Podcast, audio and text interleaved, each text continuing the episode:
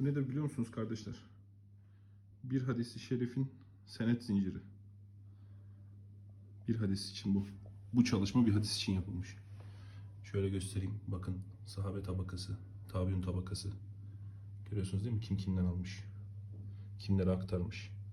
Çok güzel bir çalışma yapılmış.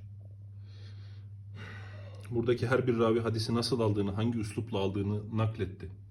Ya bir derse katıldı bir hocanın dizinin dibinde ya bir yerlere gitti bu hadisi almak için.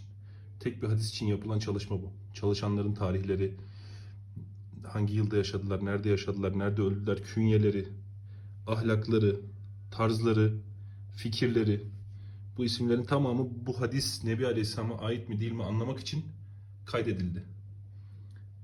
Ve ilahiyat fakültesinde 150 sayfalık bir hadis usulü okumuş delikanlı bu hadisi kafasına göre zayıf bulabileceğini düşünüyor.